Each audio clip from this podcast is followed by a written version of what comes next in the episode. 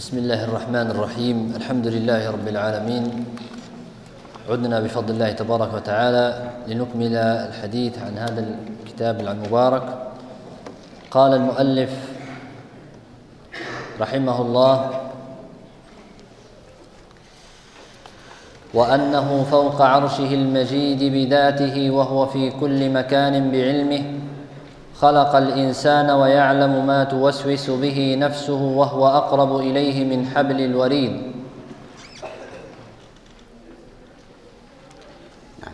وما تسقط من ورقه الا يعلمها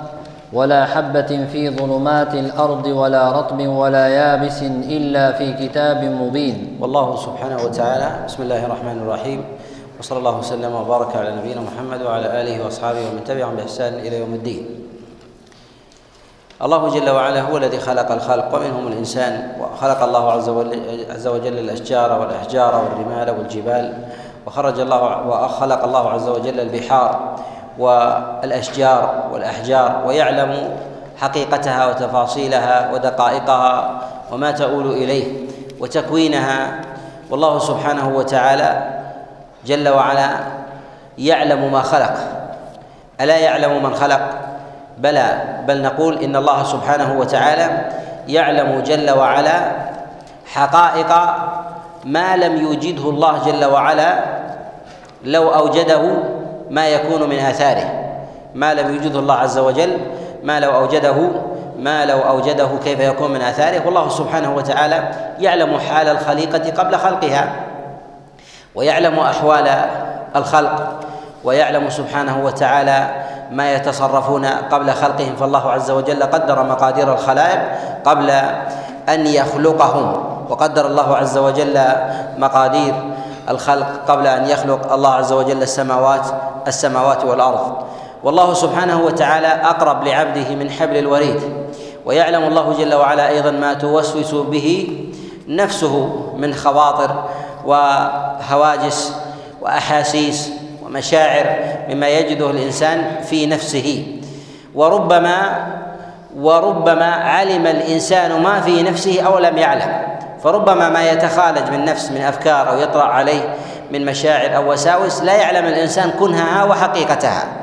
فيتوجس الانسان من نفسه شيئا ويقول لا اعلم ما في نفسي ولا يعلم ما اوجده في نفسه من حرج او ضيق او هم فيحزن ولا يدري لماذا حزن أو اهتم ولا يعلم ما سبب همه يعلم الله عز وجل ما أهمه ولو لم يعلمه الإنسان بنفسه والله سبحانه وتعالى يعلم ذلك كله جل وعلا وهو الذي خلق وألا يعلم من خلق نعم على العرش استوى وعلى الملك احتوى وله الأسماء الحسنى والصفات العلى والله سبحانه وتعالى مالك الملك وعلى عرشه استوى وعلى الملك احتوى من جهة قدرته وتصرفه وعدم خروج ذلك عن عن إرادته سبحانه وتعالى وهو الذي يقلب المواد ويقلب سبحانه وتعالى حقائقها واحوالها وتغيراتها ويعلم تراكيبها مما هي عليه وما لم تكن عليه لو امتزجت مع غيرها كيف يكون كيف كيف تكون حالها ولهذا لله جل وعلا العلم المطلق في ذلك نعم لم يزل بجميع صفاته واسمائه تعالى ان تكون صفاته مخلوقه واسماؤه محدثه له سبحانه وتعالى الاسماء الحسنى وله الصفات العلى او العليا وكلها حسنى فكل اسمائه حسنى وكل صفاته عليا سبحانه سبحانه وتعالى نعم كلم موسى بكلامه الذي هو صفة ذاته لا خلق من خلقه خلق الله عز وجل الخلق منه ما ذكره الله عز وجل ومن لنا ومنه ما لم يذكره جل وعلا ولهذا يقول النبي صلى الله عليه وسلم في الذكر عند الرفع من عند الرفع من الركوع ملء السماوات والارض وملء ما بينهما وما شئت من شيء وما شئت من شيء بعد فلله سبحانه وتعالى من الخلق ما نعلمه وله من الخلق من الخلق ما لا ما لا يعلمه الا الا هو سبحانه سبحانه وتعالى وصفات الله عز وجل ليست بمخلوقه تعالى الله عز وجل عن ذلك لان الذات هي الصفات والصفات هي الذات واذا قلنا ان الصفات مخلوقه فهذا يعني ان الذات مخلوقه تعالى الله سبحانه وتعالى عن ذلك ولهذا نقول ان الله عز وجل متفرد وواحد وهو الخالق الذي لم يخلق وهو الواحد الفرد الذي لا ند له ولا نظير ولا شريك ولا شريك له ولا مثيل والله سبحانه وتعالى في ذلك كله في ذلك كله متفرد لا يجوز لاحد ان يصفه بشيء من الاوصاف الا بما ثبت به الدليل من كلام الله او كلام رسول الله صلى الله عليه وسلم لان امثال هذه الاشياء توقيفيه ومردها الى الى السمع من النص من كلامه سبحانه وتعالى وكلام نبيه وكل ذلك وكل ذلك اليه نعم وتجلى للجبل فصار دكا من جلاله وأن القرآن كلام الله ليس بمخلوق فيبيد ولا صفة لمخلوق فيبيد ولله عز وجل كلام ومن كلامه القرآن وله من الكلام ما لا يحصيه إلا هو سبحانه وتعالى موصوف سبحانه وتعالى بالكلام يتكلم جل وعلا متى شاء وفيما شاء وكيفما شاء جل وعلا وينزل كلامه سبحانه وتعالى على من شاء وكلامه صفة من صفاته لا يجوز القول بأن كلام الله عز وجل مخلوق وذلك أن كلامه أن كلامه صفة من صفاته وإذا قلنا بأن كلام الله عز وجل مخلوق يلزم من ذلك يلزم من ذلك خلق الذات لأن الكلام صفة من صفاته سبحانه وتعالى وكلامه جل وعلا منه القرآن ومنه التوراة ومنه الإنجيل ومنه الزبور وما فيه صحف موسى وإبراهيم وغيرها وغيرها من من الكتب ومنها ما لم ينزله الله عز وجل على أحد من عباده ما لم ينزله الله عز وجل على أحد من من عباده فالله سبحانه وتعالى يتكلم ولا يزال ولا يزال متكلما متى متى شاء وكلامه سبحانه وتعالى صفه من من الصفات لا نقول كما يقول المبتدعه بان كلام الله عز وجل مخلوق وذلك وذلك كفر لان خلق الصفه خلق للموصوف خلق الصفه خلق خلق لي للموصوف ولا نقول كما يقول المتكلمون بأن الكلام معنى قائم في نفس الله عز وجل خلقه الله عز وجل خارجه فأوجده وهم يعبرون بذلك بتعبيرات منهم من يقول إن الله عز وجل خلقه خارجا عنه وهو المعنى القائم في ذات الله والمعنى القائم في ذات الله عز وجل خلقه الله عز وجل ليعبر عما في نفسه والله سبحانه وتعالى والله جل وعلا ما قال ذلك وانما نسب الكلام اليه كما في قوله جل وعلا وان احد من المشركين استجارك فاجره حتى يسمع كلام الله فهو كلام الله جل وعلا والزياده عن ذلك ضلال والزياده عن ذلك عن ذلك ضلال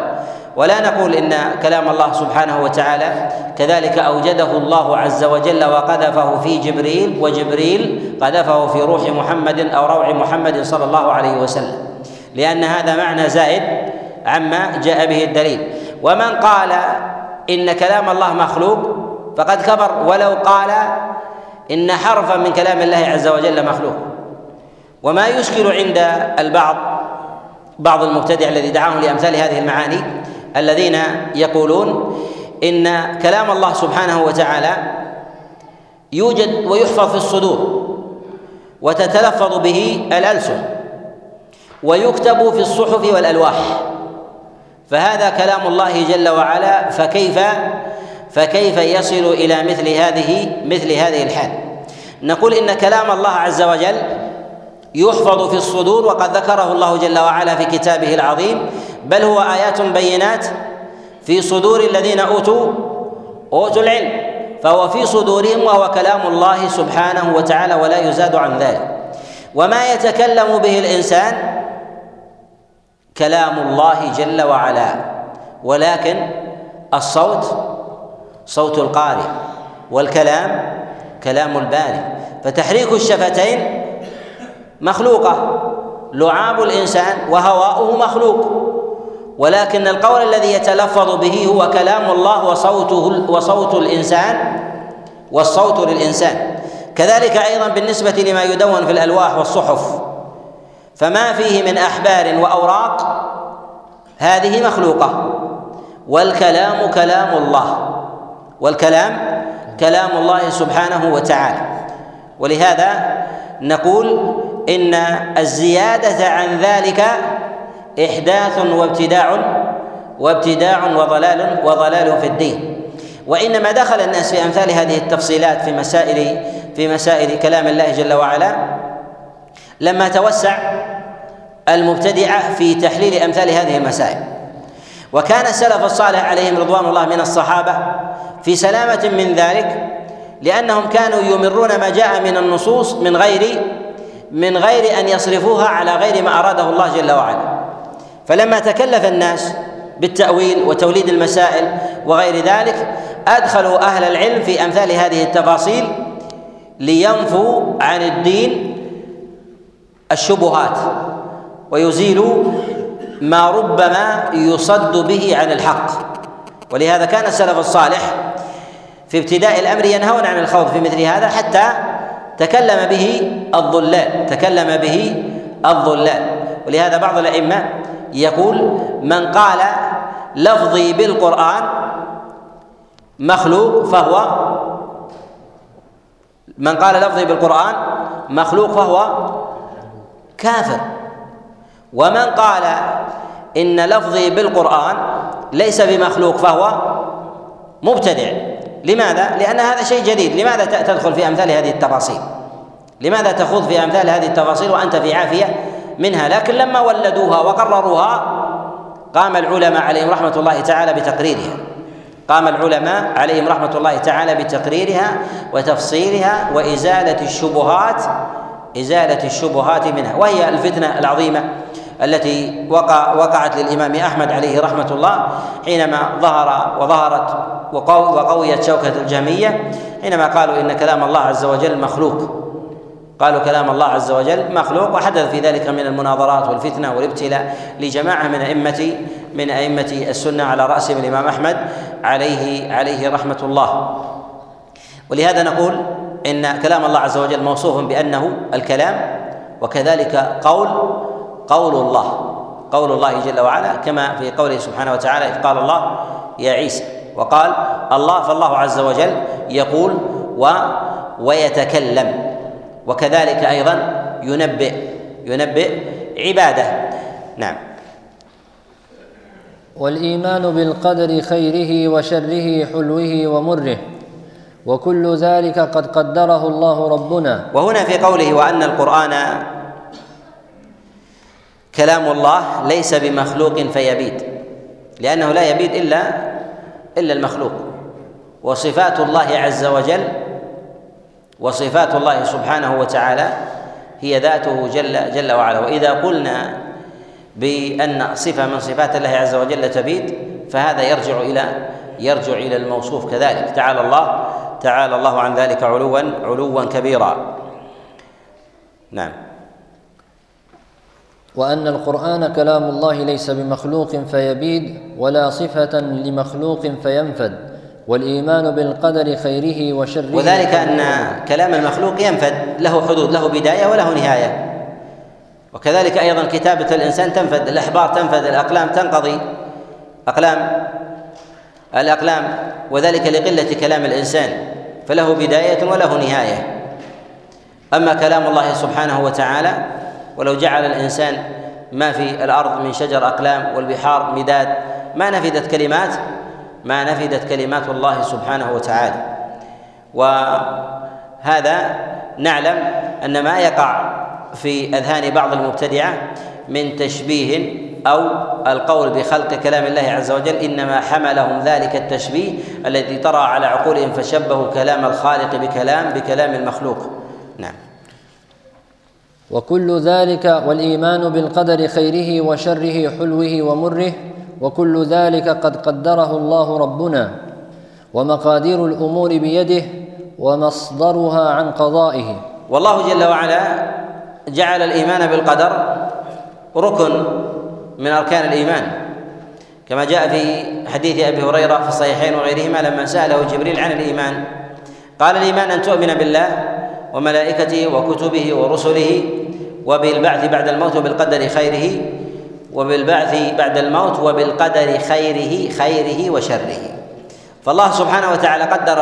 قدر المقادير مقادير الخلائق من جهة أحوالها وتقلباتها وأعمارها وابتدائها وانتهائها وكذلك أيضا تحولاتها وقدر الله عز وجل مقاديرها من جهة الكسب وقدر الله عز وجل لها الخير والشر وقدر الله عز وجل الأسباب وخلق فيها المسببات لتظهر الآثار الآثار فيه وهذا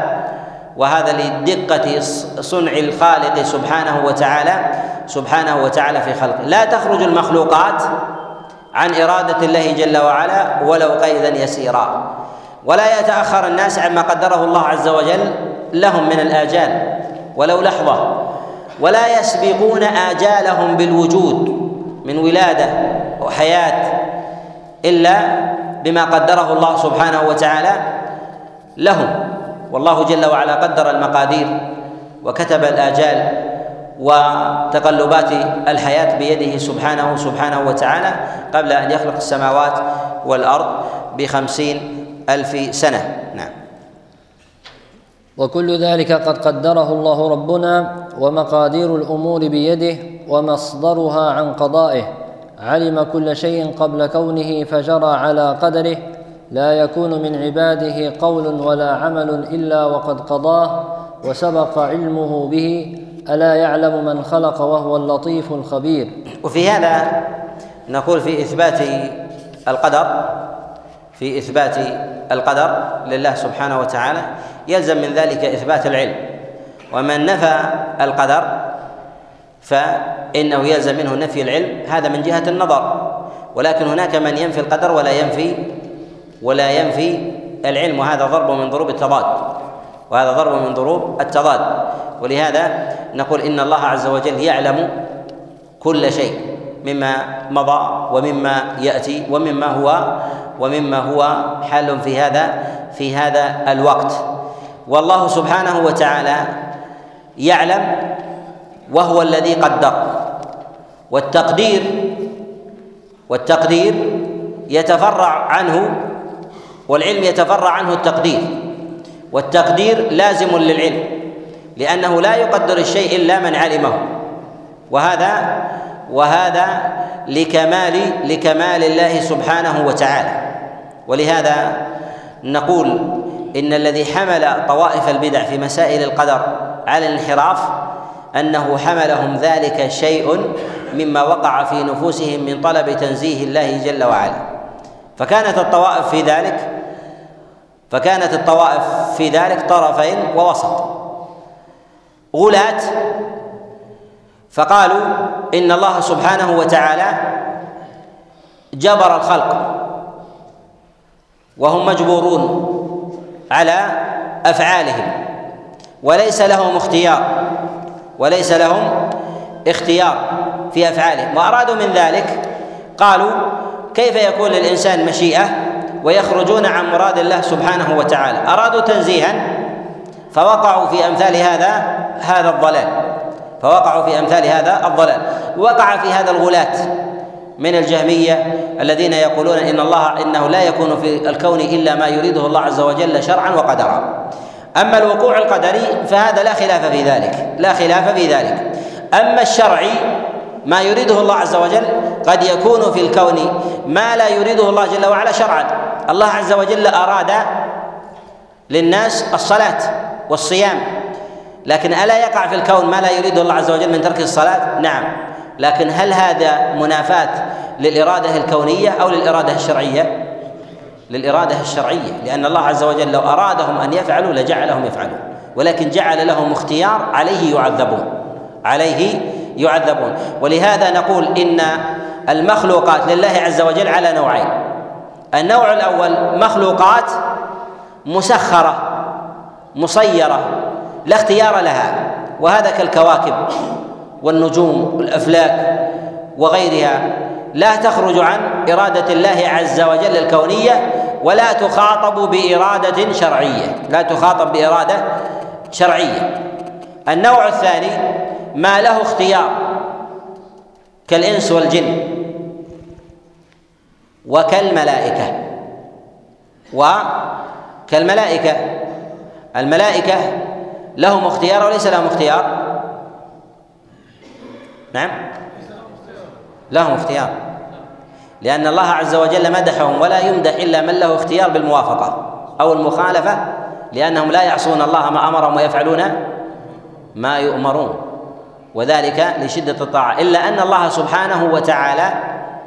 إلا أن الله جل وعلا لم يجعل من الابتلاء المعترض لهم كما جعله لبني آدم وذلك من أمور النفس والشيطان وغير ذلك التي تحرف تحرف الناس ولهذا الله سبحانه وتعالى مدحهم على ذلك ولا يمدح الا من له اختيار فوافق من له اختيار فوافق ولهذا نقول ان الانس والجن والملائكه لهم اختيار فوقع في الانس والجن عصيان ومخالفه لامر الله سبحانه وتعالى وهؤلاء لهم مشيئه ويخاطبون بالاراده وبالامر الشرعي يخاطبون بالإرادة والأمر الشرعي لأن الإرادة والأمر على نوعين إرادة وأمر كوني لا يخرج عنه والثاني إرادة وأمر شرعي الأول كوني لا يخرج عنه والثاني شرعي للناس فيه اختيار قد يخرجون عنه وقد لا يخرجون عنه ومن خرج استحق العقاب والعذاب والطائفة التي تقول أن الناس مجبورون ومسخرون ايضا ارادوا من ذلك تنزيه الله سبحانه وتعالى ان يقع ما لا يريد ان يقع ما لا ما لا يريد وحينئذ هؤلاء افرغوا الشريعه من حقيقتها فلماذا ترسل الرسل ولماذا آه، تنزل الكتب ولماذا يقاتل النبي عليه الصلاه والسلام ومن قاتل من المشركين هؤلاء ما هي احوالهم من عبدوا الاصنام والاشجار والاحجار ماذا ما هي حالهم قالوا هؤلاء ما عبدوا الا الله ثم قالوا ان الله عز وجل حال في كل مكان قالوا حال حتى في الاصنام والاحجار فاذا توجه الانسان للصنم والحجر فهو توجه الى الله فجعلوا الكون يدور حول نفسه بمعنى ان كل ما في الكون الا الله حتى ظل منهم من ظل في هذا وجعل في ذلك جمله من اللوازم في هذا في ان الله عز وجل حالهم في كل في كل مكان ليقع لديهم ما يسمى بتبرير الشرك في الارض والكفر ما يتعلق بامر الجنه والنار يتاولونها يتاولونها كذلك وهذا فيه تعطيل لكثير من احكام الله عز وجل عز وجل وشرائعه والطائفه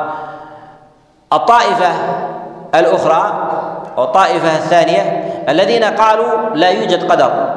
اصلا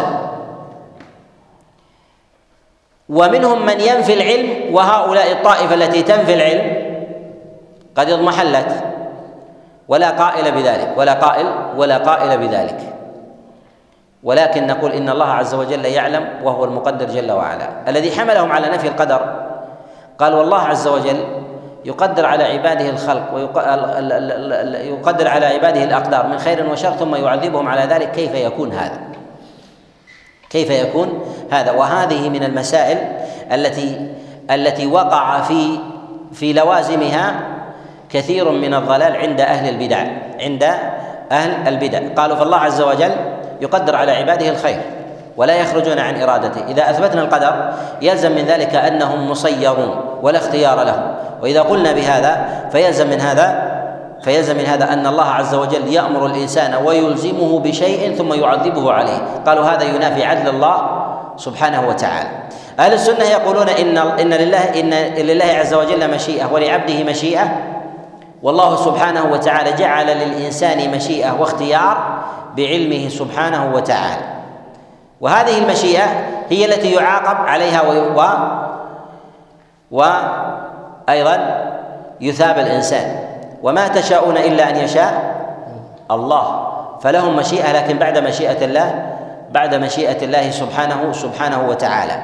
واما ما يتعلق بمن ينفي القدر تنزيها لله سبحانه وتعالى فنقول ان الله عز وجل قدر المقادير وجعل الانسان مشيئه يعاقبه على على مخالفه الامر الشرعي بمشيئته لا لمخالفته لقدر الله عز وجل وقضائه وينبغي ان نعلم ان من حكم الله سبحانه وتعالى ما لا يدركه الانسان ولا ولا يحصيه وذلك في امثال هذه القضيه وهي قضيه القدر ولهذا يقول يقول أبو حنيفة رحمه الله لما سئل عن هذه المسألة وهي مسألة القدر قال هذه مسألة مقفلة وضاع مفتاحها وهي مسألة مسألة القدر ولهذا يقول ابن تيمية رحمه الله يقول هذه المسألة ما من أحد إلا وفي نفسه حسكة يعني في شيء في شيء من معانيها ولكنه لا يدرك ذلك لأن الحقائق إدراك الإنسان عقل الإنسان هو حاسة من من الحواس الموجوده في ذات الانسان نفس الانسان هي نوع من المدركات منها ما يدرك الانسان الحقيقه ومنها ما لا ما لا يدركه الانسان اذا قلنا ان عقل الانسان وذهنه يستوعب شيئا معين كحال هذا الكاس اذا اراد الكاس ان يستوعب البحر هل يستطيع لكن لو افيض اليه الا يطويه ثم لا يستفيد شيء نعم ولهذا نقول ان من حكم الله سبحانه وتعالى ما لا يدركه العقل ويحجبه الله عز وجل لعدم ادراكه ولو اعطاه اياه لزاده تحيرا لزاده تحيرا ولهذا يقول بعض العلماء ان من الحقائق ما لو تامل فيها الانسان بعقله واكثر تاملا كلما زاد تاملا زاد تحيرا الانسان حينما ينظر في الشمس هل يزداد بصيره او يزداد الم ولا يستفيد يحرق يحرق كذلك من حكم الله عز وجل ما تحرق الاذهان والعقول لاننا لو قلنا ان الانسان يدرك كل حكمه فما الفرق بين علم الخالق وبين علم علم المخلوق ولهذا ينظر الانسان فيما في مكتشفاته وادراكه وما يفتح له وكذلك من تصرفات من تصرفات اهل العلم في الماديات وغير ذلك ما يعجب الانسان منه ثم بعد ذلك يستسيغه ويرى انه شيئا عاديا ثم يبحث عن غيره ثم اذا اندهاش الانسان لا ينتهي اندهاش الانسان لا ينتهي منه ما يدركه ومنه ما لا ما لا يدركه وامره الله عز وجل بان يكل العلم اليه وهل كل شيء يستطيع ان يسمعه الانسان لا ومن الاصوات ما لو ما لو اراد الانسان ان يسمعه لا صعق ومات ولهذا اذا نفخ في الصور يصعق من في السماوات من في السماوات والارض بسبب ماذا؟ أنه خارج طاقة الإنسان خارج طاقة الإدراك كذلك الضوء من الضوء ما لو فتح على الإنسان لزال بصره ومن الحكم أيضا ما لو فتح وأفيض على العقول لتحيرت ولم تدرك من ذلك شيء لهذا نقول إن في إدراك الإنسان وحواسه مثلا لها إدراك معين كحال الكأس قد يطلب الإنسان نقول خلق الإنسان لا يستوعب أمثال هذه الحكمة ولهذا الله عز وجل يحجب حكما عظيمة عن عقل الإنسان أن يدركها ولو أراد قال أريدها كحال الإنسان يقول ضع البحر هنا فلو وضع فيه لا لانغمس وتاه لانغمس وتاه ولهذا المتكلمون الذين يطلب يطلبون العلل للأحكام الشرعية والبحث عنها يعيشون في دوامات ثم يرجعون إلى دين وعقائد العجائز لماذا؟ لأن الله عز وجل ما حجب أمثال هذه العلل إلا لأن العقول لا تدرك ولهذا ينبغي للإنسان إذا سمع شيئا وعجز عن إدراكه هل له أن ينفيه وقد ثبت به النص أم يقول سمعنا وأطعنا سمعنا وأطعنا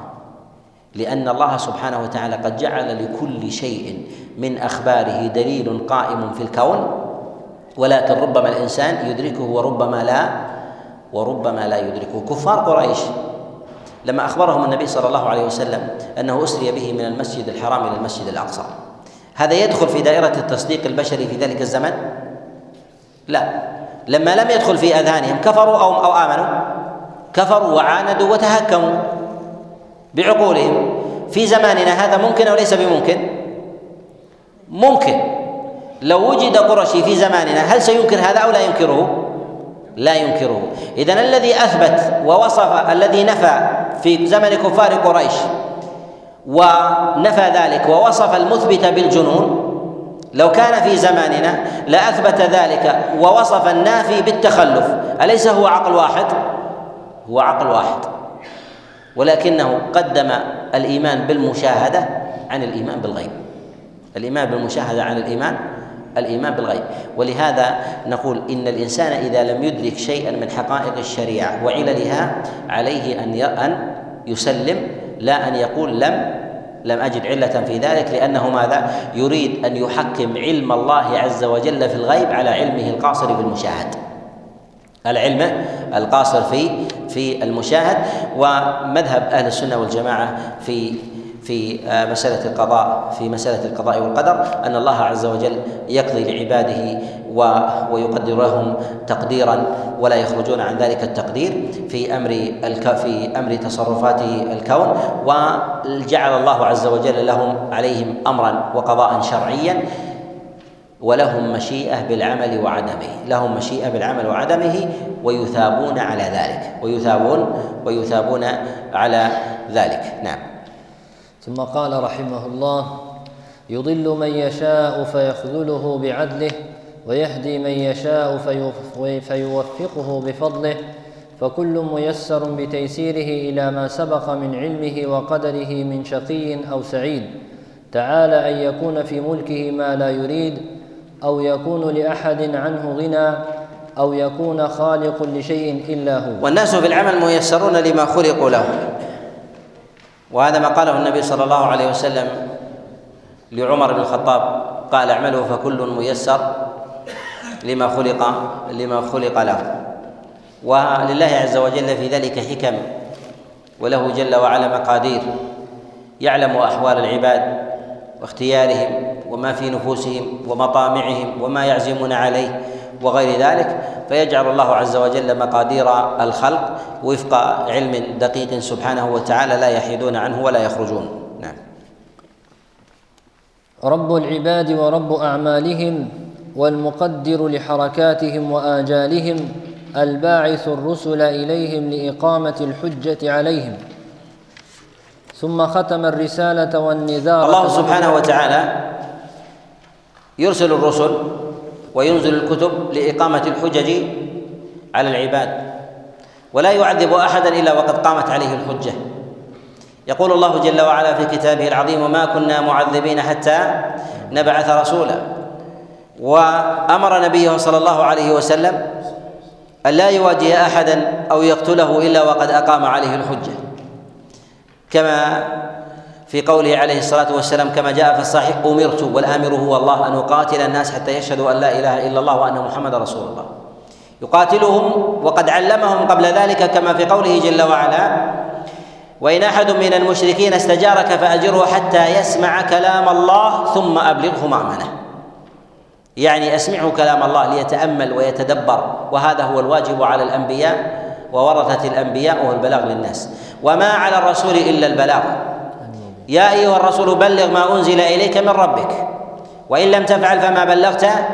رسالته وهي الرساله التي جعلها الله عز وجل على الانبياء فوجب على الانبياء واجبه وعلى ورثتهم كذلك ان يبلغوا الحق للناس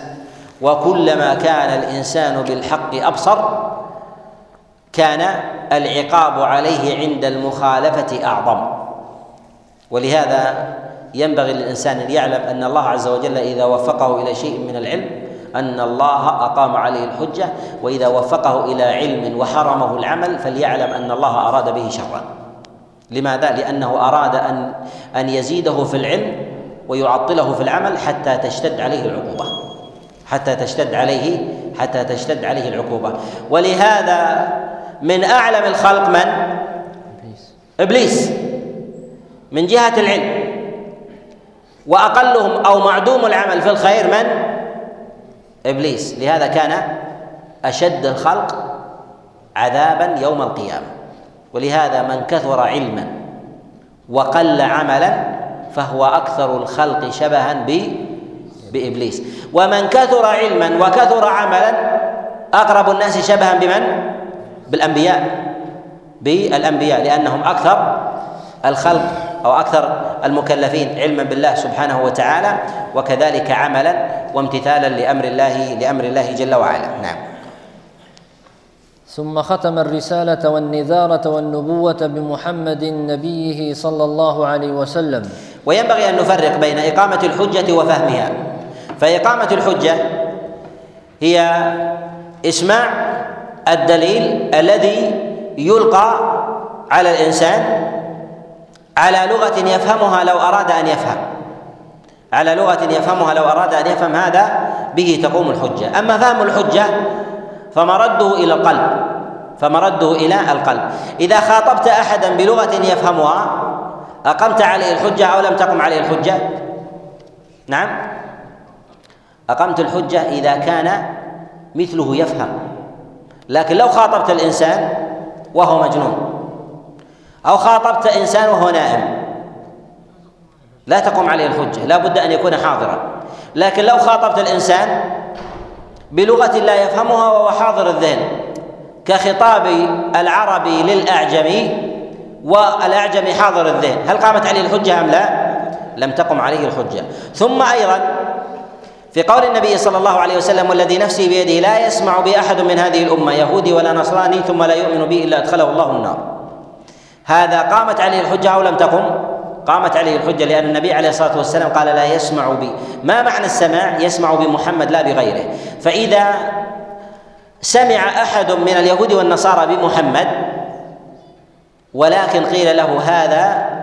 مفكر عربي أو هذا قائد عسكري هل سمع بمحمد أو بغيره سمع بغيره هل قامت عليه الحجة أم لا ما قامت عليه الحجه حتى يسمع بان النبي صلى الله عليه وسلم نبي ارسله الله جل وعلا الى الناس كافه ولهذا نقول ان الحجه تقوم بالسماع بمحمد صلى الله عليه وسلم كما كما اراده الله عز وجل له لا كما يصل الى اذهان الناس مشوها لهذا ربما بعض الطوائف او بعض الملل يصل اليه ان محمد اما قائد عسكري أو مفكر أو قائد جيش أو جند لا لا يؤتى بربطه بالسماء لا يؤتى بربطه بالسماء ومقام مقام النبوة ولهذا نقول ان النبي صلى الله عليه وسلم في قوله لا يسمع به احد من هذه الامه المراد بذلك هو السماع الشرعي الحقيقي السماع الشرعي الحقيقي فهم الحجه هل هو معتبر ام لا هل هو معتبر ام لا ليس بمعتبر لماذا لان مرده الى الباطل مرد الى الباطن ولا ندري هو الرجل معاند او او فاهم اعطيناه مره مرتين يقول لا لم افهم هل نبقى معه عشرات السنين حتى يفهم قوم شعيب ماذا قالوا له ما نفقه كثيرا مما تقول يعني ما نفهم هل عذروا بذلك ام نزل عليهم العذاب نزل عليهم العذاب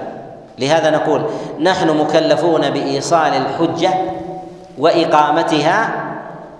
على وجه يفهمها لو أراد أن يفهم ولهذا كفار قريش كانوا يضعون أصابعهم في آذانهم ويستغشون ثيابهم أليس كذلك؟ إذا لا يريد السماع ماذا نصنع به؟ هو لا يريد أن يسمع لا يريد أن يفهم على هذا نقول قامت عليه الحجة أو لم تقم قامت عليه الحجة لهذا من الناس من يعرض من يعرض قامت عليه الحجة كذلك أيضا تقوم الحجة على العامة إذا علم الخاصة إذا علم الخاصة ولهذا النبي عليه الصلاة والسلام يبعث بكتابه إلى كسرى وقيصر ولا يأتي إلى النصارى واحدا واحدا إذا كانوا تحت راية ولواء واحد ولهذا النبي عليه الصلاة والسلام في غزوته يأتي الجميع ولا يأتي الجميع يأتي الجميع لأن مثل هذا يصل إلى الناس يصل إلى الناس وقد انفتح الأمر في الزمن المتأخر فأصبحت الفضائيات تبث للعامة وللخاصة بجميع بجميع اللغات لهذا نقول نحن مكلفون بإقامة الحجة وأما إفهامها فهي إلى من تلقى الحجة إلى من تلقى الحجة شريطة أن نقيمها كما أراد الله سبحانه وتعالى فلا يقيمها الإنسان بعجل ولا بالاختصار ولا باجتزاء ولا يأتي بها مرة في حال انشغال الإنسان لا بل ينوع كما كان نوح يأتيهم ليلا ونهارا سرا وجهارة يأتيه من ينوع في ذلك حتى ربما كان إنسان منصرف منشغل غاضب أو ربما في حزن أو في هم ولا يدري ماذا تقول هذا يطرأ في الناس ولكن يكرر عليهم حتى تقوم الحجة ويغلب على الظن أنهم أنهم فهموا نعم ثم ختم الرسالة والنذارة والنبوة بمحمد نبيه صلى الله عليه وسلم فجعله آخر المرسلين بشيرا ونذيرا وداعيا الى الله باذنه وسراجا منيرا رسول الله صلى الله عليه وسلم جعل الله عز وجل له جمله من الخصائص من هذه الخصائص انه خاتم الانبياء والمرسلين خاتم الانبياء والمرسلين كما قال النبي عليه الصلاه والسلام لا نبي لا نبي بعد وجعله الله عز وجل ايضا رسولا الى الناس كافه بخلاف الانبياء السابقين كل نبي يرسل الى الى قومه ولهذا يقول الله جل وعلا في كتابه العظيم وما ارسلناك الا كافه للناس والله عز وجل ارسله الى العالمين جميعا ولهذا نقول ان ان من خصائص هذه الرساله عمومها وكذلك خاتمتها ولهذا يقول الله جل وعلا ومن يبتغي غير الاسلام دينا فلن يقبل فلن يقبل منه وهو في الاخره من الخاسرين نعم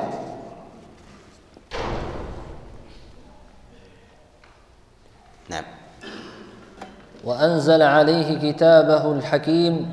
وشرح به دينه القويم وهدى به الصراط المستقيم وكتاب الله سبحانه وتعالى تقدم معنا كلام الله جل وعلا ولكن هنا الكلام الكلام المخصوص بهذه الامه وهو القران واذا اطلقنا الكتاب فيراد به القران والسنه اذا قلنا كتاب الله فيراد به القران والسنه وإذا فصلنا قلنا الكتاب والحكمة فالكتاب يعني القرآن والحكمة تعني السنة والدليل على ذلك ما جاء في حديث زيد بن خالد الجهني لما جاءه رجل وقال يا رسول الله إن ابني كان عسيفا على هذا يعني أجيرا عنده فزنى بامرأته فقيل لي على ابنك على ابنك الرجم جلد قال على ابنك الرجم قال ففديت ابني بمئة من الغلم ووليده اقضي بيننا بكتاب الله فقال النبي عليه الصلاه والسلام لاقضين بينكما بكتاب الله اما الغنم والوليده فرد عليك وعلى ابنك جلد مئة وتغريب وتغريب عام اغدو يا أنيس إلى امرأتي هذا فإن اعترفت فارجمها في قول النبي عليه الصلاة والسلام على ابنك جلد مئة وتغريب وتغريب عام هل التغريب مذكور في القرآن؟ والنبي يقول لأقضين بينهما بماذا؟ كتاب الله بكتاب الله فيدخل في هذا السنة لأنها وحي لأنها منزلة على رسول الله صلى الله عليه وسلم كما أنزل الله عز وجل عليه عليه القرآن وهو أعظم نعمة القرآن وإرسال محمد صلى الله عليه وسلم وأعظم ما ينبغي أن يسعى بالعمل به وامتثاله الافراد والجماعات ولهذا يقول الله جل وعلا قل بفضل الله وبرحمته فبذلك فليفرحوا هو خير مما يجمعون فضل الله الاسلام ورحمته القران خير مما يجمعون من اراء الرجال من كنوز الذهب والفضه وغيرها نعم وان الساعه اتيه لا ريب فيها وان الله يبعث من يموت كما بداهم يعودون وان الساعه اتيه لا ريب فيها وهي قائمه الى اجل لا يعلمه الا الله سبحانه وتعالى والله جل وعلا جعل لها اجل لا يجليها لوقتها الا الا هو سبحانه وتعالى ولا ولكن الله عز وجل جعل لها علامات واشراط جعل لها علامات وجعل لها اشراط جعل لها اشراط كبرى وجعل لها اشراط صغرى وكل ذلك جاء في الوحي جاء في الوحي ومن علاماتها واماراتها ما لم يذكر الله سبحانه وتعالى ولم ولم يذكر الله عز وجل زمنا وانما ذكر وصفا وتقريبا كيوم الجمعه مثلا ولكن لا يعلم في اي اسبوع او شهر او عام كذلك ايضا في ساعتها من اي زمن من هذا اليوم ولهذا نقول ان الله عز وجل هو الذي يجليها ليجليها لوقتها سبحانه وتعالى جعل لها علامات وامارات حتى يقرب الانسان من ربه سبحانه وتعالى ويستعتب ويستزيد من الطاعه ويقلل من المخالفه نعم وان الله يبعث من يموت كما بداهم يعودون وأن, وأن الله سبحانه ضاعف لعباده المؤمنين الحسنات وصفح لهم بالتوبة عن كبائر السيئات وغفر لهم الصغائر باجتناب الكبائر وجعل من لم يتم من الكبائر صائرا الى مشيئته إن الله لا يغفر أن يشرك به ويغفر ما دون ذلك لمن يشاء ومن رحمة الله سبحانه وتعالى بعباده أن جعل الحسنة بعشر أمثالها إلى سبعمائة ضعف وجعل السيئة بمثلها وجعل الله عز وجل الحسنات تذهب السيئات ولهذا يقول الله جل وعلا في كتابه العظيم واقم الصلاه طرفي النهار وزلفا من الليل ان الحسنات يذهبن السيئات ذلك ذكرى للذاكرين وكما ان الحسنات تذهب السيئات فهل السيئات تمحو الحسنات ام لا؟ نعم ولهذا يقول الله جل وعلا في كتابه العظيم يا ايها الذين امنوا لا ترفعوا اصواتكم فوق صوت النبي ولا تجهروا له بالقول كجهر بعضكم لبعض ان تحبط اعمالكم وانتم لا تشعرون فرفع الصوت عند النبي عليه الصلاة والسلام كفر أو ليس بكفر ليس بكفر رفع الصوت ليس المراد بذلك تنقص أليس هذا من من ضعف الأدب ضعف الأدب ليس المراد بذلك رد ولا استهزاء ولا احتقار ولا تنقص لأن هذه الآية نزلت في الصحابة عليهم رضوان الله تعالى وذلك أن بعضهم يرفع صوته على بعض والنبي صلى الله عليه وسلم يتكلم فجعل ذلك موجبا لإحباط العمل كذلك ايضا في قول الله جل وعلا لا تبطلوا صدقاتكم بالمن بالمن والاذى وما جاء ايضا في حديث عائشه عليها رضوان الله تعالى انها قالت لزيد بن لام زيد بن ارقم لما تبايع بالعينه اخبريه انه قد ابطل جهاده مع رسول الله صلى الله عليه وسلم الا ان يتوب ولهذا نقول ان السيئه قد تمحو الحسنه والسي والحسنات تمحو السيئات ولهذا نقول ان بين الحسنه والسيئه مغالبه هذه تغلب هذه وهذه تغلب تلك ولكن محو الحسنات للسيئات اعظم من محو السيئات لي للحسنات لان السيئات تضاعف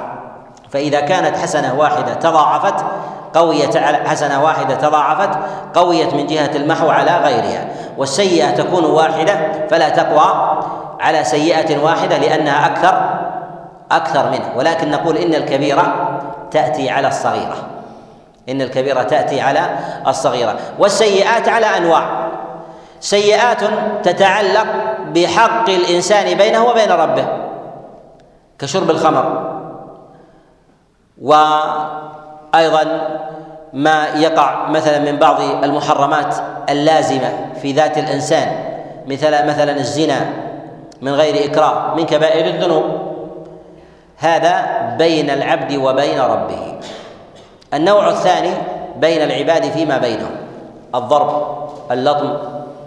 اللعن القذف هذه حقوق الآدميين الله عز وجل لا يغفرها لصاحبها إلا أن يتوب منها أو يتحلل من صاحبها أو القصاص أو القصاص ولهذا يقول النبي عليه الصلاة والسلام لا تؤدن الحقوق الى اهلها ولا يقتصن الله من الشاة القرناء الى الشاة الجمع كما جاء في الصحيح من حديث ابي هريره كذلك ايضا في قول النبي عليه الصلاه والسلام من كانت عنده مظلمه لاخيه فليتحلله منها ما قال فليستغفر وليتوب لا قال فليتحلله منها من قبل ان ياتي يوم لا دينار فيه ولا درهم يعني لا يوجد مقاضاه بالدنانير والدراهم وانما بالحسنات والسيئات كذلك ايضا ما جاء في حديث جابر وعبد الله بن انيس وحديث ابي هريره وحديث جابر وحديث ابي قتاده وغيرها في هذا الباب قال وغفر لهم الصائر باجتناب الكبائر وجعل من لم يتب من الكبائر صائرا الى مشيئه الله لهذا كانت الله كان كانت الشرائع في الاسلام من جهه الاعمال الصالحه متوافره في عمل اليوم والليله حتى يكثر الانسان منها جعل الصلوات حتى تمحو السيئات جعل الحج حتى يمحو جعل صيام رمضان رمضان الى رمضان جعل الجمعه ايضا حتى تمحو لماذا حتى تتغالب عجله الحسنات على السيئات فينجو الانسان حتى ينجو الإنسان فأمر الله عز وجل بالإتيان بالحسنات حتى يفوز الإنسان ولا ولا يهلك وإذا فرط الإنسان في هذه الواجبات الكثيرة وقام بإتيان بالسيئات غلبت سيئاته على على حسناته وهلك وكذلك فإن الله عز وجل جعل المكفرات للحسنات أكثر من المكفرات للحسنات لهذا جعل الله عز وجل الأعمال الصالحة تكفر جعل التوبة والاستغفار تكفر من الاستغفار الذي يلهج به الإنسان جعل الله عز وجل المصائب والهموم والغموم التي ترد على الإنسان كفارات أيضا للإنسان جعل الإنسان أيضا دعاء غيره له رفعة وكفارة يدعو له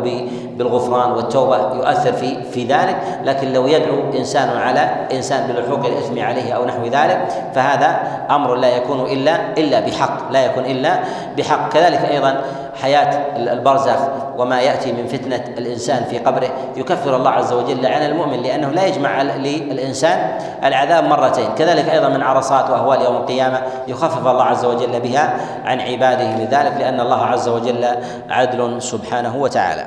وفي قول الله جل وعلا ان الله لا يغفر ان يشرك به ويغفر ما دون ذلك لمن يشاء لان اعظم ذنب يعصى به الله عز وجل هو الشرك ولا يكفر الله عز وجل لعباده بهذه المكفرات كلها الشرك الا بالتوبه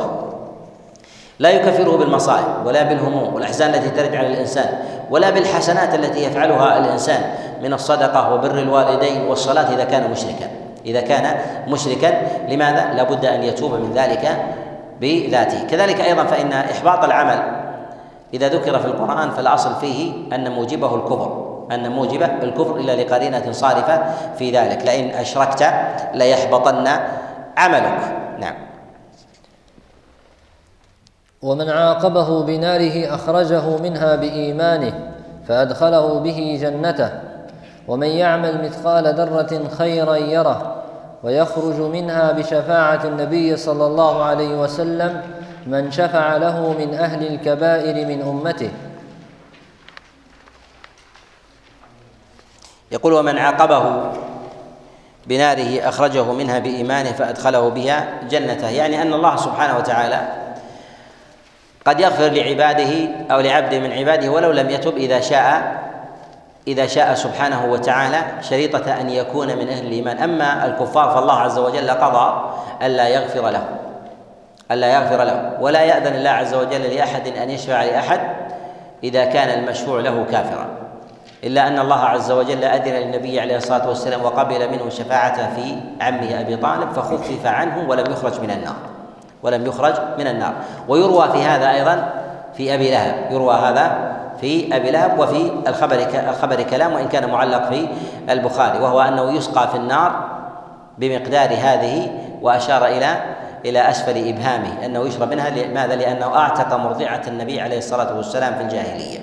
مرضعة النبي عليه الصلاة والسلام فهذا نوع تخفيف لا شفاعة إخراج أما المؤمن فإن الله عز وجل لا يخلد مؤمنا في النار ومن كتب الله عز وجل عليه العذاب يعذبه سبحانه وتعالى ثم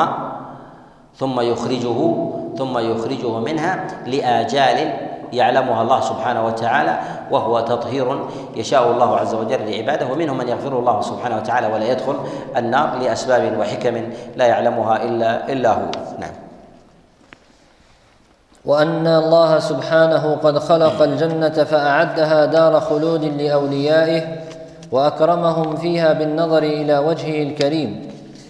وهي التي أه-، أهبط وهي التي أهبط منها آدم نبيه وخليفته إلى أرضه بما سبق في سابق علمه وخلق النار فأعدها دار خلود لمن كفر به وألحد في آياته وكتبه ورسله وجعلهم محجوبين عن رؤيته والله سبحانه وتعالى قد خلق الجنة والنار وعقيدة أهل السنة والجماعة أن النار موجودة والجنة كذلك وجعل الله عز وجل وهيأها وهيأها لأهلها والله سبحانه وتعالى قدر لها أهلها كذلك والله سبحانه وتعالى جعل دار خلود فمن دخل الجنة لا يخرج منها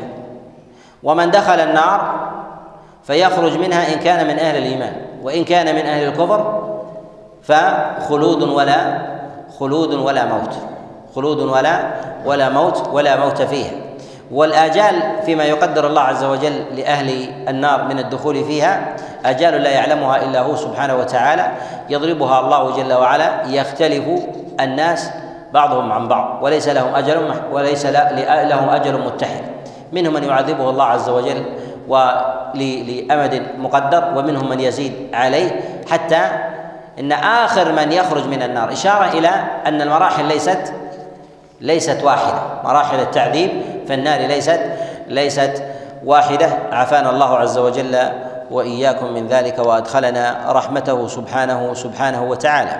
قال وأكرمهم فيها بالنظر إلى وجهه الكريم والنظر إلى الله سبحانه وتعالى هو الحسنى الذي ذكر الله عز وجل في كتابه عقيدة أهل السنة والجماعة أنهم يثبتون الرؤية لله جل وعلا أن يرى الله سبحانه وتعالى فيراه أهل الجنة وإنما وقع خلاف في غيرهم إنما وقع الخلاف في غيرهم هل يرون الله عز وجل ثم يحجبون عنه لتعظم في ذلك الحسرة في قلوبهم فإن من نظر في شيء ثم مكن منه ثم منع منه أشد وقوعا في الحسرة ممن لم يره أصلا وهذا من مواضع من مواضع الخلاف عند عند اهل السنه وعامه اهل السنه على ان الكفار لا يرون الله سبحانه وتعالى في الاخره ويراه اهل اهل الايمان والله جل وعلا والله سبحانه وتعالى ذكر رؤيته في كتابه العظيم وجوه يومئذ ناظرة إلى ربها إلى ربها ناظرة وكذلك أيضا في قول المصنف رحمه الله وهي التي أهبط منها آدم نبيه وخليفته إلى أرضه بما سبق في سابق علمه وهذا دليل على أن الجنة مخلوقة موجودة الآن خلقها الله عز وجل وهيأها وهيأ لأهل الإيمان من من عباده قال وخلق النار فأعدها دار خلود لمن كفر لمن كفر به يعني أن أهل الإيمان لا يخلدون في النار لا يخلدون في النار ولهذا النبي صلى الله عليه وسلم يخرج يقول الله يقول النبي عليه الصلاه والسلام يخرج من النار من في قلبه مثقال ذره من ايمان يعني لا يخلد في النار الا من زال الايمان من قلبه بالكليه من زال الايمان من قلبه بالكليه قال والحد في اياته وكتبه المراد بالالحاد هو الميل هو الميل يلحدون اي يحرفون ويميلون عن منهج الحق قال والحد في اياته وكتبه ورسله وجعلهم محجوبين عن عن رؤيته يعني ان الله عز وجل اعد النار لمن كفر به والحد في اياته وكتبه ورسله وجعلهم محجوبين عن رؤيته قيل هل حجب في ذلك هو ابتداء ابتداء محجوبون ولم يروا الله سبحانه وتعالى ولن يروا ام يرونه ثم يحجبون هو على على ما تقدم نعم وان الله تبارك وتعالى يجيء يوم القيامه والملك صفا صفا لعرض الامم وحسابها وعقوبتها وثوابها والله سبحانه وتعالى ياتي يوم القيامه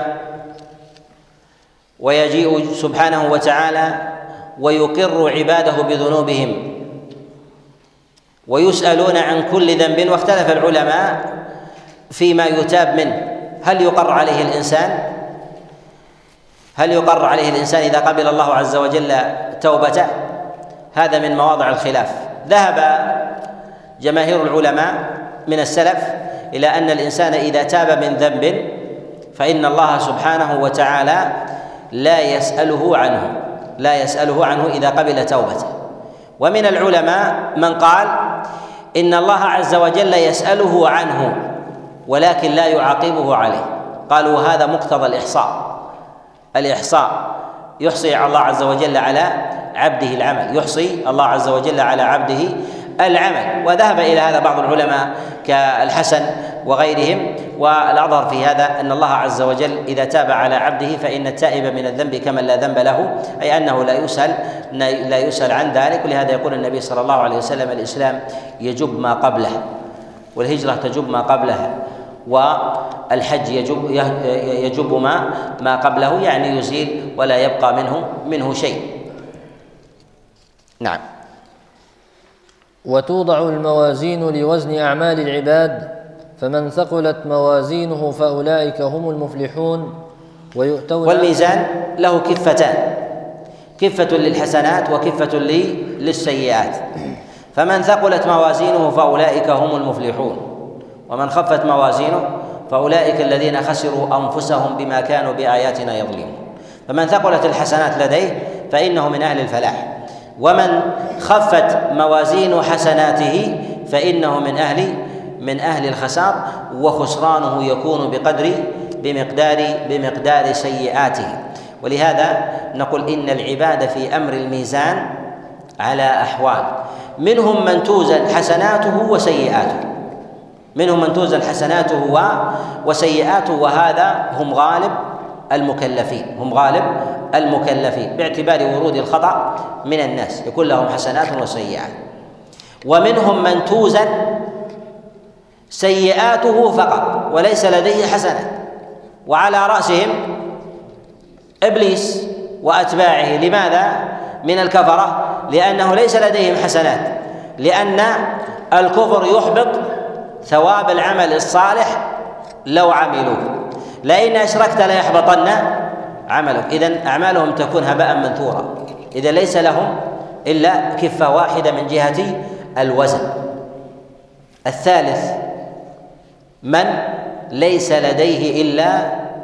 حسنات من ليس لديه إلا حسنات ويدخل في هذا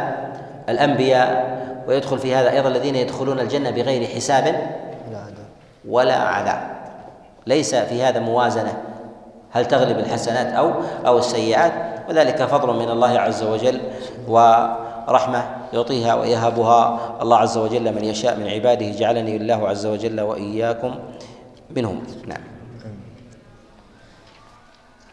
فمن اوتي كتابه بيمينه فسوف يحاسب حسابا يسيرا ومن أوتي كتابه وراء ظهره فأولئك يصلون سعيرا هنا في إتيان الناس الصحائف حتى يقرهم بأعمالهم ومنهم من تمد له الصحائف مد البصر حتى ينظر ما فيها من أمور السيئات سواء كان نسي أو كان عالما في ذلك حتى يراها ويقر عليه يعطى الإنسان كتابه إذا كان من أهل الخير بيمينه وإذا كان من أهل الشر بشماله وقيل انما ذكره الله عز وجل أنه يعطى من وراء ظهره أنه يريد أنه يوضع يضع شماله وراء ظهره حتى لا يوضع الكتاب بشماله فيجد الكتاب قد وضع في في شماله قال بهذا قال بهذا بعض المفسرين من من السلف نعم وأن الصراط حق يجوزه العباد بقدر أعمالهم فناجون متفاوتون في سرعة النجاة عليه من نار جهنم وقوم أوبقتهم فيها أعمالهم ونؤمن بالصراط وأن الله عز وجل نصبه على متن جهنم ولا بد لكل داخل إلى الجنة من وروده عليه ولهذا يقول الله جل وعلا في كتابه العظيم وإن منكم إلا واردها وهذا هو تحلة القسم أن الله عز وجل أقسم أنه لا بد لكل أحد أن يمر على جهنم ولكن الناس يتباينون منهم كلمح البصر منهم كالبرق ومنهم كالخيل ومنهم من آه، ومنهم من يجري ومنهم من يمشي ومنهم من يحبو ومنهم من تخطفه كلاليب جهنم فيهوي فيها منهم من يهوي من اول لحظه ومنهم من يسير ثم يهوي وتكون سرعتهم حينئذ بقدر ايمانه بقدر ايمانهم وطاعتهم وقربانهم الى الله سبحانه وتعالى يقول فناجون متفاوتون في سرعه النجاه عليه من نار جهنم وقوم اوبقتهم فيها اعمالهم فمن دخلها فاوبقه عمله ووقع في النار فبقاؤه فيها بمقدار عمله ان كان كافرا لم يخرج منها وان كان من اهل الايمان يخرجه ما بقي من ايمانه وهو الحكم بطول بقائه ان لم يتداركه الله عز وجل برحمه ان لم يتداركه الله سبحانه وتعالى برحمه نعم والايمان بحوض رسول الله صلى الله عليه وسلم ترده امته لا يظمأ من شرب منه ويزاد عنه من بدل وغير ومن عقيدة أهل السنة والجماعة الإيمان بالحوض وهو يكون بعد انصراف الناس انصراف الناس من الحساب والوقوف في المحشر وقد عطش الناس وبعد الهول والفزع من المرور على الصراط يجعل الله عز وجل لنبيه صلى الله عليه وسلم حوضا يشرب منه اهل الايمان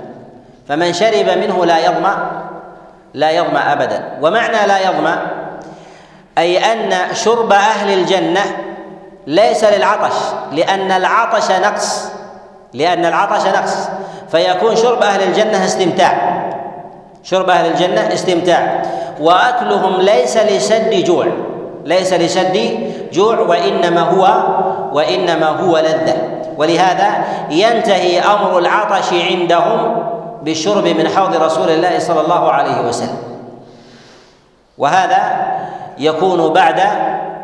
اجتياز جسر جهنم وقبل دخول وقبل دخول النار وينبغي ايضا ان نعلم ان الله عز وجل قد جعل قنطره قبل دخول النار وبعد الخروج منها لمن دخلها يتقاضى أهل الحقوق في الدنيا حقوقهم يتقاضى أهل الحقوق حقوقهم يقول النبي صلى الله عليه وسلم يخرج المؤمنون من النار يعني من كتب الله عز وجل عليهم العذاب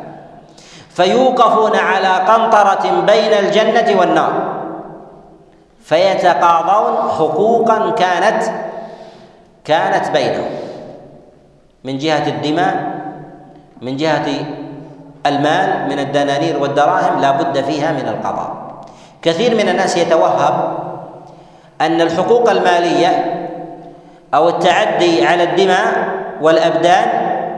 أن هذا تكفره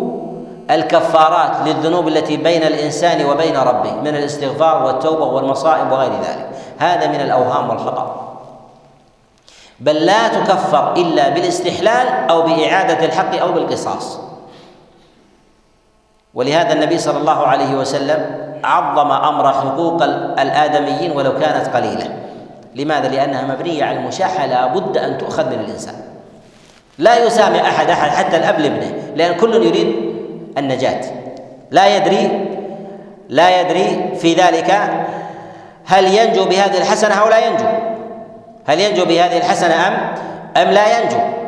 ولهذا رسول الله صلى الله عليه وسلم يقول لاصحابه يريد تقريرا لهذا المعنى يقول ما تعدون المفلس فيكم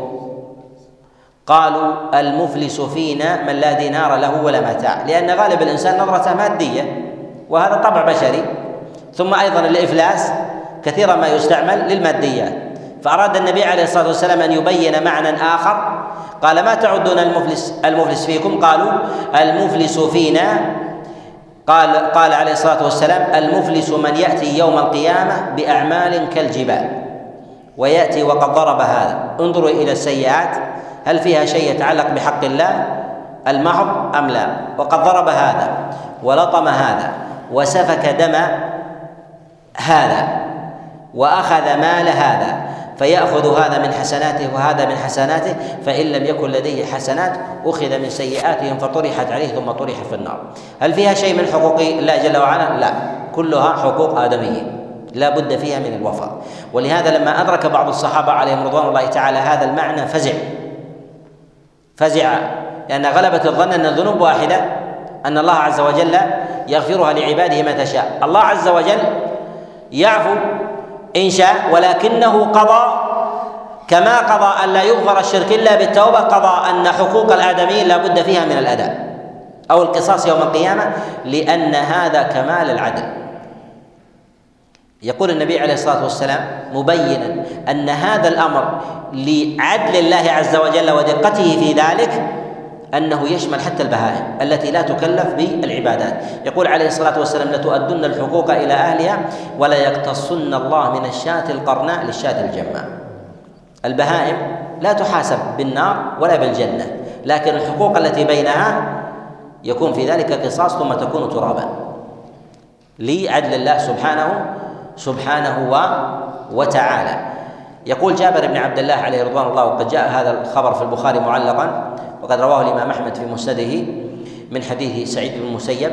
ان جابر بن عبد الله عليه رضوان الله يقول بلغني ان احدا من اصحاب رسول الله صلى الله عليه وسلم يحدث بحديث عن رسول الله صلى الله عليه وسلم بالقصاص قال فاشتريت بعيرا فركبت اليه مسيره شهر كامل قال فاتيت اليه فطرقت الباب فخرج مولاه فقال من عند الباب فقلت جابر قال ابن عبد الله قال قلت نعم قال فاذا عبد الله بن انيس فقال لي ما الذي جاء بك قلت بلغني انك تحدث عن رسول الله صلى الله عليه وسلم حديثا في القصاص قال آه الله ما جاء بك الا هذا قال والله ما جاء بي ما جاء بي الا هذا قال سمعت النبي صلى الله عليه وسلم يقول يحشر العباد يوم القيامه حفاة عراة غرلا فيناديهم الله عز وجل بصوت يسمعه من بعد كما يسمعه من قرب فيقول انا الملك انا الديان لا ينبغي لأحد من أهل النار أن يدخل النار وله عند أحد من أهل الجنة حق حتى أقصه منه حتى اللطمة لأنه ربما لو كان لديه حق عند أحد من أهل الجنة وأخذه رجحت كفته ولم يستوجب النار حتى أقص منه حتى اللطمة ولا ينبغي لأحد من أهل الجنة أن يدخل الجنة وعليه لأحد من أهل النار حق حتى أقص منه حتى اللطمة يعني ربما كانت تلك السيئة تنقصه ثم ثم يكون من أهل النار قالوا يا رسول الله كيف وإن نأتي الله عز وجل حفاة عراة يعني كيف يكون القصاص ولا يوجد دنانير يظنون الأمور مادية لا دنانير ولا عصي ولا حديد والقصاص يكون بالمكافأة بالعمل قال النبي عليه الصلاة والسلام بالحسنات والسيئات ما هو مقدار هذا حسنات خذ من هذا وإذا لم يكن لديهم حسنات أخذ من سيئاتهم فطرحت عليه ثم طرح طرح في النار ولهذا نقول ان حقوق الادميين مبنيه على المشاحه وحق الله عز وجل مبني على المسامح لهذا ينبغي للانسان ان يعلم ان حقوق الادميين هي اولى ما ينبغي الانسان ان يستبرئ منه بعد توحيد بعد الشرك بالله جل وعلا وتحقيق توحيد الله سبحانه وتعالى في ذات الانسان ولوازم ولوازم ذلك